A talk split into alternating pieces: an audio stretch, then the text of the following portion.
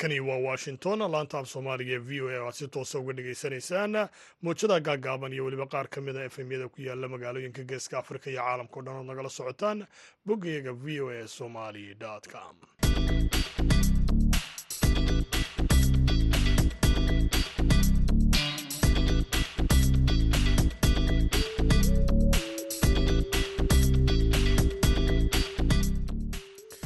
duhur wanaagsan iyo weliba jimco wanaagsan? Dhammaantiinma dhegaystayaal meel kastoo aad joogtaanba waa shan iyo tobanka bisha julaay ee sannadka laba kun iyo labaiyo labaatan. Haatan saacadda afrikada bari waxay tilmaamaysaa kowdii iyo barhkii duhurnimo. Idaacadda duhurnimo ee barnaamijka dhallinyarada maantana waxaa halkan idinkala socodsiin doona. Aniga oo cabdixakiin maxamuud shirwan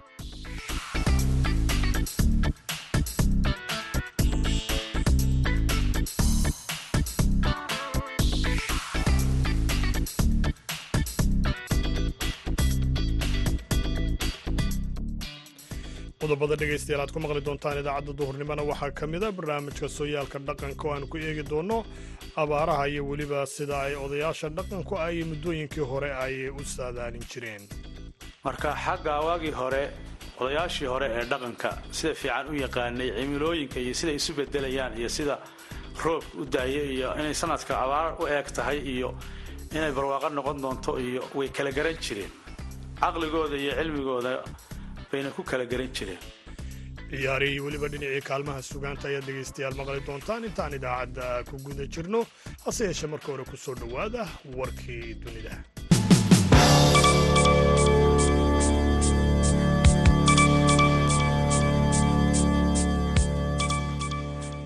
wasiirada maaliyadda ee reer galbeedka ayaa cambaareeyey gulufka ruushka uu ku qaaday ukrain xilli ururka g labaatan ay wadaxaajooda jimcaha maanta ku leeyihiin dalka indonesiya waxaanay mas'uuliyiinta ruushku ku eedeeyeen kulgulahaanshiyaha dil wadareed ee la geystay intii dagaalku u socday. Kulanka labada maalmood soconaya ee islamarkaana ka dhacaya jasiiradda baali ayaa bilaabmay xilli uu hadheeyey weerarka militari ee ruushku kaas oo ruxay suuqyadii sidoo kalena kor u qaaday qiimihii cuntada islamarkaana keenay sicir barar deg deg ah. Waxaana uu imanayaa kulankaasi toddobaadun kadib markii diblomaasi sare oo ruush ah uu ka baxay wadaxaajood ay la lahaayeen wasiirada arrimaha dibaddu. Ruushka ayaa kelidii ka mas'uul ah qubashada dhabta ah ee weliba gaar ahaan dhinaca taban ee dhaqaalaha dunida xogayaha maaliyadda ee dalka maraykanka janet yellen ayaa sidaasi u sheegtay wafdigii ruushka markii kulankaasi u furmay sida ay sheegtay amaba uu sheegay sarkaal ka tirsan wasaaradda maaliyaddu ra'iisul wasaaraha sri lanka ranil wikremesing ayaa maanta loo dhaariyey kusimaha madaxweynaha dalkaasi madaxweynihii sri lanka gotabaya rajabaska ayaa iska casilay xilkaasi kadib markii uu ku soo laabtay singabur isagoo ka yimi maldeves oo uu tegey kadib markii uu ka cararay dibadbaxayaal caraysan oo ay soo kiciyeen dhibaatada dhaqaale ee daran ee dalkaasi ka jirta taasoo eedeeda ay saareen maamulkiisa. Afhayeenka baarlamaanka ayaana si rasmiya u aqbalay iscasilaadaasi jimcaha maanta iyadoo iscasilaadana afhayeenku ay u soo gudbiyeen golaha sare ee sri lanka oo haatan ku sugan singabur dhegeystayaal warkiina waa naga intaa u diyaar garooba qaybaha kale ee idaacadda duhurnimo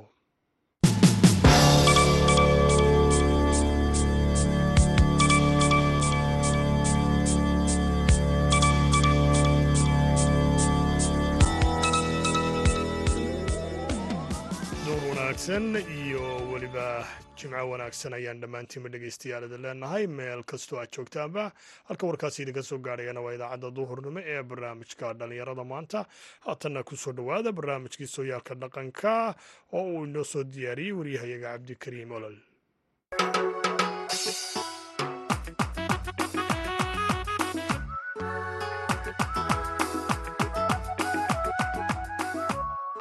kulanti wacan oo wanaagsan dhegaystayaal ku soo dhowaada barnaamijkeeni sooyaalka dhaqanka oo toddobaadkan idinka imanaya magaalada laascanood toddobaadkan barnaamijkeenna waxaa marti noogu ah oday maxamuud maxamed cilmi oo ku magac dheer oo ka mid a odayaasha gobolka sool. Toddobaadkan waxaan diiradda ku saari doonaa isbeddelka cimilada iyo saamaynta abaaraha ay ku yeelatay dadka reer guuraaga habnololeedka dadka reer guuraaga xilliga jilaalka iyo xilliga abaaraha maxamed ayaa sharaxaad ka bixin doonaa waxyaabaha deegaanada soomaalida guud ahaan iska bedelay iyo waayihii hore siduu dhulku ahaan jiray. Marka hore waa salaamayaa v o a haddii aan wax ka taataabto inta yar ee aan wax ka garan karayo ama aan maqmaqli jiray intaa dabadeed abaaruhu waa dhici jireen. Horena way u dhici jireen haddana way dhacaan midba sibaa loola tacaamuli jiray. Masalan sannadkii kun iyo sagaal boqol afar iyo toddobaatankii waxaa dhacday abaar la yidhaahdo dabadheer. Abaartaa dabadheer waxay ka dhacday waqooyi bari iyo waqooyi galbeed. Koonfurta kamay dhicin laakiin ilaa gaalkacyo ilaa saylac ilaa beriga fog ee xeebta way ka dhacday. Kacaankii markaa cusbaa ee waddanka ka dhashay madaxda ka ahaa maxamed siyaad bare gargaar aada u ballaadhan bay sameeyeen oo ay dadka la soo gaadheen. Marka xagga waagii hore odayaashii hore ee dhaqanka sida fiican u yaqaanay cimilooyinka iyo sida isu bedelayaan iyo sida roobka u daaya iyo inay sanadka abaar u eeg tahay iyo inay barwaaqo noqon doonto iyo way kala garan jireen. Caqligooda iyo cilmigooda bayna ku kala garan jireen. Marka ninkii la odhan maxamed cabdullaahi xasan waxaa laga hayaa? Marunbaa diyaarado loogu guri. Webiga daafeed ee marunbaa cayn iyo dalyare deeq la soo bidiya dad badan baa caynaba laga raray. Dalyare laga raray. Jiidali xalin jeexdin meeleeda gaalkacyo ku dhow. Waxaa la geeyey koonfurta soomaaliya iyada oo ay dowladdaasi ula jeeday dadka in la caawiyo oo wax la baro oo ay beeraley ay xoole dhaqata beeraley noqdaan af soomaaliga la baro. Marka niman xilligaa wax ka qoreeya abaaraha iyo isbeddelka cimilada iyo waxyaalahaas baa waxay u yimaadeen oday weyn oo boqol iyo dheeraad jira oo deegaankan laascanood u dhashay. Waxay ku yidhaahdeen bal naga waran abaaraha iyo wixii aada arki jirtay. Wuxuu yidhi anigu waxaan dhashay abaar la jiray xidhiidho. Kolay dowladda way u qornayd. Kun sideed boqol iyo dhowr iyo kontonkii qiyaasta bay ku beegmaysay ama dhowr iyo lixdankii waxaan soo joogay buu yidhi abaaro badan oo ay ka mid tahay mid la odhan jiray lowtaag cudur bay wadatay oo qof baad ka dhaqaaqaysaa waxaad umaynaysaa qofkii oo shan daqiiqo kabacdi lowga taagaya lowtaag baa loo bixiyey. Mid waxaa la odhan jiray degelduuga mid waxaa la odhan jiray maargembiya wuxuu yidhi abaarta maanta ayna haysataa abaar ka xun weligay ma arag. Waxay kaga xun tahay abaarihii hore dalkao dhan bay ka dhacday. Oo taasay kaga xun tahay. Abaar ka nasiib badan oo la iscaawinayana weligay ma arag buu yidhi. Waxaa jiri jiray abaaro kale oo midba saamaynteeda bay lahayd. Madna midna wadar baa looga tashan jiray midna shiksi shiksi baa looga tashan jiray oo hadba abaartu way kala yar tahay hadba sida ay leegtahay baa looga tashan jiray. Aad baad u mahadsantahay maxamuud. Odayaasha hore si weyn waxay uga hadli jireen xilliga abaarta. Way ka maansoon jireen ama gabayay ka tirin jireen iyagoo dareenkooda ku cabiraya waayaha iyo xaaladaasi lagu jiro. Ma jireen dad ka hadli jiray oo jexa ka tirin jiray oo kale? Haa way jiraan. Nin odayahoo la odhan jiray dubad xiiray oo deegaanka burco u dhashay baa wuxuu u soo guuray xudun oo ka tirsan degmada laascaanood ninkaas nin gabayaa uu ahaa oo ninkii uu farxlaanjeer ku halqabsaday markii uu lahaa. Xoolaha xalaasha nafta xiiray uu jecel. Dubad xiiray xilliguu sahamiyey uu saadaaliyey wuxuu arkay in abaar noqon doonto. Wuxuu yidhi gun la waayay dayr la ydhata buu lowga ku haya. Markaasaa abaar laba jirihii kugu la caabtaaye laf cad bay malaatani la bixi liiga laga doogi liigadii bay la baxday laf caddii bay la baxday. Nin deegaanka xudun u dhashay oo la odhan jiray yuusuf oodcadde ayaa isagana ay la ahaan weyday inay abaarta uu sheegayaa muuqato dabeetana isna geybuu tiriyo wuxuu yidhi gun la waayey dayr lagu lusho buu lowga ku hayaa. Markaasaa hilaac laba jirii kugu la caabaaye loxoslulad bay malaatani la bixi liiga liigi naga dheere. Adigaa yar liitee ma laha wakhtigu laalaab taana waxaa yidhi foodcadde oo yuusuf foodcadde la odhan jiray. Waxaa ku noqday haddana gabaygii dubad xiiray wuxuu yidhi nin facaayil badan joogay oo fiigsan baan ahaye waa taa falaagii la xidhay tan iyo feerfeere waa idihii fardihii wajaale iyo idihii foos wankii lume ee fooraha ka dhacay xaysimay fiintu ka cidaaye waad ficila gabaydaye wakhtigu kuma fogsana macnaha wuxuu ka hadlaya waayaha soo socda iyo abaaraha dadka ku soo fool leh buu ka hadlayay. Markaasuu sidaa ugu jawaabaya. Markaa sidaasay ahayd midda kale xiliyadii hore ay abaaruhu dhici jireen qof waliba wuxuu ka tashan jiray bal siduu abaarta kaga bixi karo? Raggii hore markay abaarta oo ay sidaa u dhacdo oo kale waxyaaba badan bay kaga gaashaaman jireen oo ay u samayn jireen inay xoolaha badbaadiyaan. Bal waayihii hore siduu ahaa dadaalka ay dhanka xoolaha ka samayn jireen iyo ilaalinta deegaanka inayn iyagu qayb ka noqonin abaaraha oo kale bal ka war. Beligii hore dadka miyiga jooga wuxuu ahaa boqolkiiba toddobaatan baa la odhan karaa dadka miyigu joogay. Boqolkiiba soddon ayaa waxay joogeen magaalooyinka. Inta badan inaga gumaystihii ingiriiskii ama talyaanigii baa dhulka joogay dhulka waa la ilaalin jiray iyada oo reer magaalkuna yar yahay ayaa dhulkana magaaladiisu yarayd dabeetana xooluhu waxay heli jireen dhul marka abaari dhacdo dhul kale oo lagu baxsado baa la heli jiray. Waxaa la odhan jiray intaasi waa inoo seere eh iyo xilliga naqa degin xilliga abaarta aynu degno baa la odhan jiray.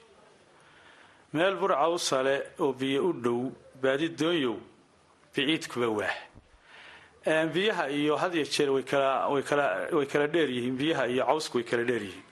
Dadku marka wuxuu samayn jiray meelaha riseefka ah ee fogfog in aanay xoolaha loo dhigin ee xilliga ay adag tahay bay ku talageli jireen in lagu baxsado. Waxaa kaloo ay samayn jireen dadkaasiba horta xoolahani siday dadka ugu filaadaan marka hore. Haysimada idaha idaha waxaa wanka lagu sii daayaa xilli masalan bisha koobiy tobnaad oo kale shan bilood bay sidaan si ay abriil bartamaheeda ama may ugu beegmaan. Way kala qaybin jireen oo qaybna wankay ku sii dayn jireen. Qaybna way ka xidhi jireen. Haddii roobku raago raashin iyo waxaas way iska yeelaan xoolaha unbaa la cuni jiray. Si ay xoolahaa ugu badbaadaan. Geela oo kale dhadigaah qaar baa laga ilaalin jiray awrku inuu abaahayo si loo shidhaysto oo loogu baxsado awrta oo kale qaar baa laga saari jiray xiniyaha oo dhufaan laga dhigi jiray. Si loo shidhaysto haddii ay noloshu adkaato. Bal ka waran dhibaatooyinkaasi abaaraha qayb intay leeg bay ka yihiin in tuulaba tuulo u jirto oo dadkii deegaanku ay noqdeen kuwa magaalayntu aada u badatay kaaman fara badan sameeyey. Waxa weeye magaalooyinkiiba haddeer aada iyo aada iyo aada u batay. Waxaa kamidoo kale oo magaaladu haddii ay badato inta magaaladu ay ku taalla iyo hareeraheeduba waxay noqonayaan lama degaan. Miyigii waa ka dheeraanaya. Dabeetana magaalooyinkiibaa isa soo gaadhaya shan iyo toban kilomitir wax ka yar bay magaalooyinka isu jiraan. Daaqii baa yaraanaya dhulkii baa xumaanaya. Waxaa kaloo deegaanka baabiyey waxa la gaadiid. Iska soo degaya oo aan loo aaba yeelayn. Taayirku meesha uu maro biyaha raacaya. Dabeetana waxaa laga yaabaa dooxa dhan oo doogan jirtay in uu taayirkaasi biyaha ka leexiyo oo ay nabaadkii sidaa ku guuro. Xataa berigii hore wax la samayn jiray looma ogolaan jirin meelaha jeexa ah ee biyo mareenka ah ee biyo ururta ah ee doogu aadka uga soo baxayo. In xero adi laga sameeyo ama xero gey laga sameeyo ama raas laga sameeyo reerku dego. Tulugyada iyo hareeraha ayaa laga degi jiray. Waxaa la ilaalin jiray dhirta inaan la goyn har kale. Waxaa la ilaalin jiray dhirta wanaagsan ee roobka soo qabanaya inaan la jarin baa la ilaalin jiray laakiin haddeer iyada oo la leeyahay cilmigii baa sidii ka batay oo dadkii waa ilbaxay. Haddana wax deegaana oo la ilaalinayo iyo wax xil la iska saarayo ma jiraan. Waxaa dhici jirtay roobku markuu hilaaco. Waa la odorjo waxaa la odhan jiray roobkaasi halkee uu hayaa meel hebluu hayaa. Awrta u qabta baa la odhan jiray waa loo guuri jiray. Saddex habeen afar habeen shan habeen kabacdi baa la tegi jiray. Meeshiio roobku intuu si wacan u helay geedihiina ay si wacan u soo baxeen haddeer gaadiid baa la haystaa. Marka roobku hilaaco baa la rarayaa geedihii oo aan soo bixin baa xoolihii inta gawaadhida lagu qaado. Ba xoolihii la dulgeynayaa dhulkii qoyanaa oo aan soo bixin. Dabeetana maba soo baxayso iyaduna waxay keentay. Nabaadguurka waxyaalaha ka mid ah bay ka mid noqotay. Bal hadda ka waran saamaynta xilliga hore waxaad sheegtay in dadku ay qorshayn jireen xoolahooda oo ay kala reebi jireen. Hadda waxaynu arkaynaa xoolihii oo qaarkood raashin la siinayo. Xooluhu shayga ugu wanaagsan ee ilaahayna ugu talagalay ay kuna wanaagsan yihiin waxaa weeye caws dhul ka soo baxay ama geedo dhul ka soo baxay inay cunaan baa wanaagsan. Berigii hore xooluhu ina waa jabi jirtay ina waa baxsan jirtay. Intaa baxsantaba reerka iskaga filaan jirtay ama wadib u dhaqan jiray. Haddeer neefkii aroorayay ee ceelka gaadhayna waa loo dhigayaa. Kii aan gaadhayna biyihii baa loo shubayaa geley baa la siinayaa raashin baa la siinayaa xoolihii aad bay dhulkii markaa ay uga badanayaan. Dhulkii waa yaraaday oo magaalaa yaraysay. Waxaa iyana way bateenoo xataa neefkii dee iska daya xadi lahaa hadhuudh iyo waxa la siiyey baalka la yihahda geley dee taas laftigeedu waana fiican tahay oo xoolihii de in la dhaqo waa fiican tahay. Haddana xoolihii de inay xaddhaaf dhaqaan ma fiicna waxa fiican. Marba qayb in la iibiyo marba qayb in la cuno ayay ku fiican in la deegaanka waxaa la sheegay in hadda xilliga hore day roobabku aada u badnaayeen hadda abaarihii bateen isbeddelka bal ka waran xilliga hore hadda haddaa isbarbar dhigto barnaamijkeena gabagabaysana oo ku jira. Anigu markaan isbarbar dhigo dee sidii hore iyo iyo sida haddeerto horta roobkii waa yaraadeen. Marka roobku hilaaco oo uu bari gunti ka soo hilaaco odayaashu waxay nagu ohan jireen wargeela soo godla inta geela la lisayo halaha u dambeeya marka haruurka lagula jiro baa roobkuna soo gaari jiray waa ku garaadsaday waxaa la odhan jiray hal fadhigeed buu ka soo hilaacay haddeerna roobku waa yaryahay. Roobka waxaa yaraynayaa. Ilaahay baa qur'aankiisa inoogu sheegay walow istaqaamuu calaa dariiqati la isqaynaahu maan qadaran roobka waxaa yaranaya dembigiibaa dadkii baa batay dembigiibaa batay dhiiggiibaa batay. Waxyaalahaasaa roobka yaraynaya roobkii wuu yaraaday. Xagga ilaahay bay iyadu ay ku xidhan taha waana laynoo sheega waxa haddaad dariiqa ilaahay ku toosnaadaan ku toosnaataan dee wad heli lahayde xilligii hore roobka waa la eegi jiray. Waxaa la odhan jiray meel habluu hayaa intuu leegyahay waa roob fiican. Waxaa dhici jirtay iyadoo aan loo sahamin in loo raro. Haddeerna ilaa la sahmiyo roob loo guuraa ma jiro. Maxaa sababay? Roobkii oo da'ayabaa hadduu doono dhulkii aan waxba ka soo saarin. Oo waxyaalaha cusub aan waagii hore la aqoon ee hadda soo kordhay. Meel qaboobaan jirtay oo dhaxamo dhaxamo la odhan jiray ama baraf ahaan jirta oo jirtay baa maanta kulul. Oo isbedeleemi meel kululaan jirtay baa qabow. Dhaqankiibaa xumaaday ixtiraamkiibaa lumay xishoodkiibaa yaraaday. Sidaa ay wax waliba isu bedeleen ayaa wax waliba isu bedeleen waxyaalana innaga ayaa kasbannay. In allaha laa yuqayiru ma biqowmin xataa yuqayiruu ma bianfusihim maadaama su'aasha ugu dambaysa abaare lagu jiro guud ahaan ee deegaanada soomaalida ee si weynna u saamaysay talooyinka aad soo jeedinaysaan maxaa ka mida soomaaliya oo dhan ku dhufatay oo laga baqayo inay macluul sabab oo dhanka xoolaha iyo dadka ah. Talinayaa marka ugu horreysa ilaahay in laga baqo. Marka xigana ilaahay in la baryo dhaqankii wanaagsanaa ee dhowrtada lahaa ee allabariga lahaa ee wanaagsanaana in la soo celiyo ayaan ku talinayaa waxaan kaloo ku talinayaa abaari way muuqataa ilaahay baa inaga faydi karaa xoolaha wixii maatada iyo dumarku yaanay ka baktiin inta ay ladan yihiin xooluhu maatada iyo dumarku yaanay ka baktiin baan odhan lahay ama ha loo iibiyo ama ha loo qalo? Deegaanada abaartu sida xun u hayso iyo kuwa loo soo hayaamo waxyaabaha ugu muhiimsan in dadka loo yimaado xagga dhaqanka ilaalintiisa iyo soo dhoweynta. Horta marka hore waxaan u ducaynaya oo ilahay waxaan uga baryayaa ummaddaas soomaaliyeed roob wanaagsan oo barwaaqo ah oo kala baajiya oo kala celiya oo qof kasta degaankiisa ku ekaysiya in ilahay inuu siiyo. Midda kale waxaa jirta deegaano badan aan roob ka di'in iyo deegaamo badan roob heleen oo loo hayaamay. Hadda gobolka sool oo kale iyo nawaaxigiisa weliba wixii ka xiga xagga koonfurta roobku si fiican buu helay. Waa loo soo hayaamay. Waxaa laga soo hayaamay beriga fog. Waxaa laga soo hayaamay sanaag. Waxaa laga soo hayaamay tog dheer. Waxaan soo jeedinayaa dadkaa soo hayaamay in la soo dhoweeyo sidii shareecadu qabtay ee islaamka dhaqankana inoo ahayd. Waxaa loo baahan yahay dadka soo hayaamay in la dhoweeyo kow in dhulka lagu soo dhoweeyo dhulkuu kala duwan yahay isagoo roob helay buu dhulku kala wacan yahay. Waxaa jira guri laeeda guridheeg intii guridheeg ahayd baa nalaga qabsaday marka roobka la kala boobayo.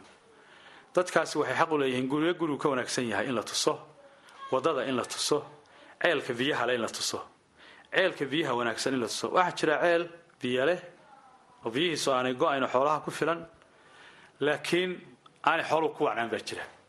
Waxaa jira ceel ay xooluhu ku wacnaadaan in la tuso ceelba ceelku ka wanaagsan yahay. In la tuso guriba gurigu ka wanaagsan yahay. In la tuso meesha wax ku yaaliin xooluhu markay daltabyoodaan oo ay ka xanuunsadaan in loo gargaaro la soo dhoweeyo bay xaqu leeyihiin. Waxay xaqu leeyihiin nabadda in la ilaaliyo. Berigii hore waxaa dhici jirtay inay isu tagaan dad aana kala qaba. Isu hayaamaan.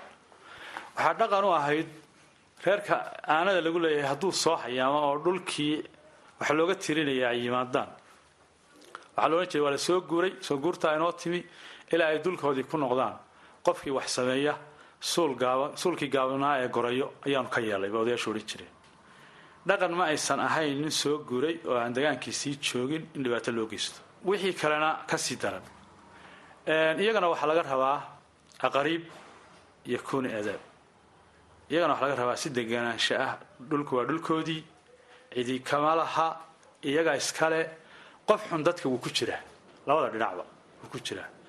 Laakiin in la dadaalo oo odayaashu ay degaanka dhex maraan oo dhallinyarada iyo dadka ay la hadlaan oo ay yidhahdeen dadka ha la soo dhoweeyo dadka degaanka ahina waa inuu gardarrada yareeyaa waa inuu socodka xun yareeyaa waa inuu sida dadkaasi u dhaqan yahay u degan yahay ay u deganaadaan sidaasayna ahaan jirtay. Dhegaystayaal waxaa intaas inoogu eeg barnaamijkeeni sooyaalka dhaqanka oo toddobaadkan idinka imanaya magaalada laascanood toddobaadkan waxaa marti noogu ahaa maxamed maxamuud cilmi oo ku magac dheer jiidha oo kana mida odayaasha gobolka sool. Waxaana ku eegaynay abaaraha soo noqnoqday ee saameynta guud ahaan deegaanada soomaalida ay ku yeesheen. Intaanu barnaamijkaasi mid la mida ku kulmi doono dhammaantii waxaan idinkaga tegaynaa sidaas iyo nabadgelyo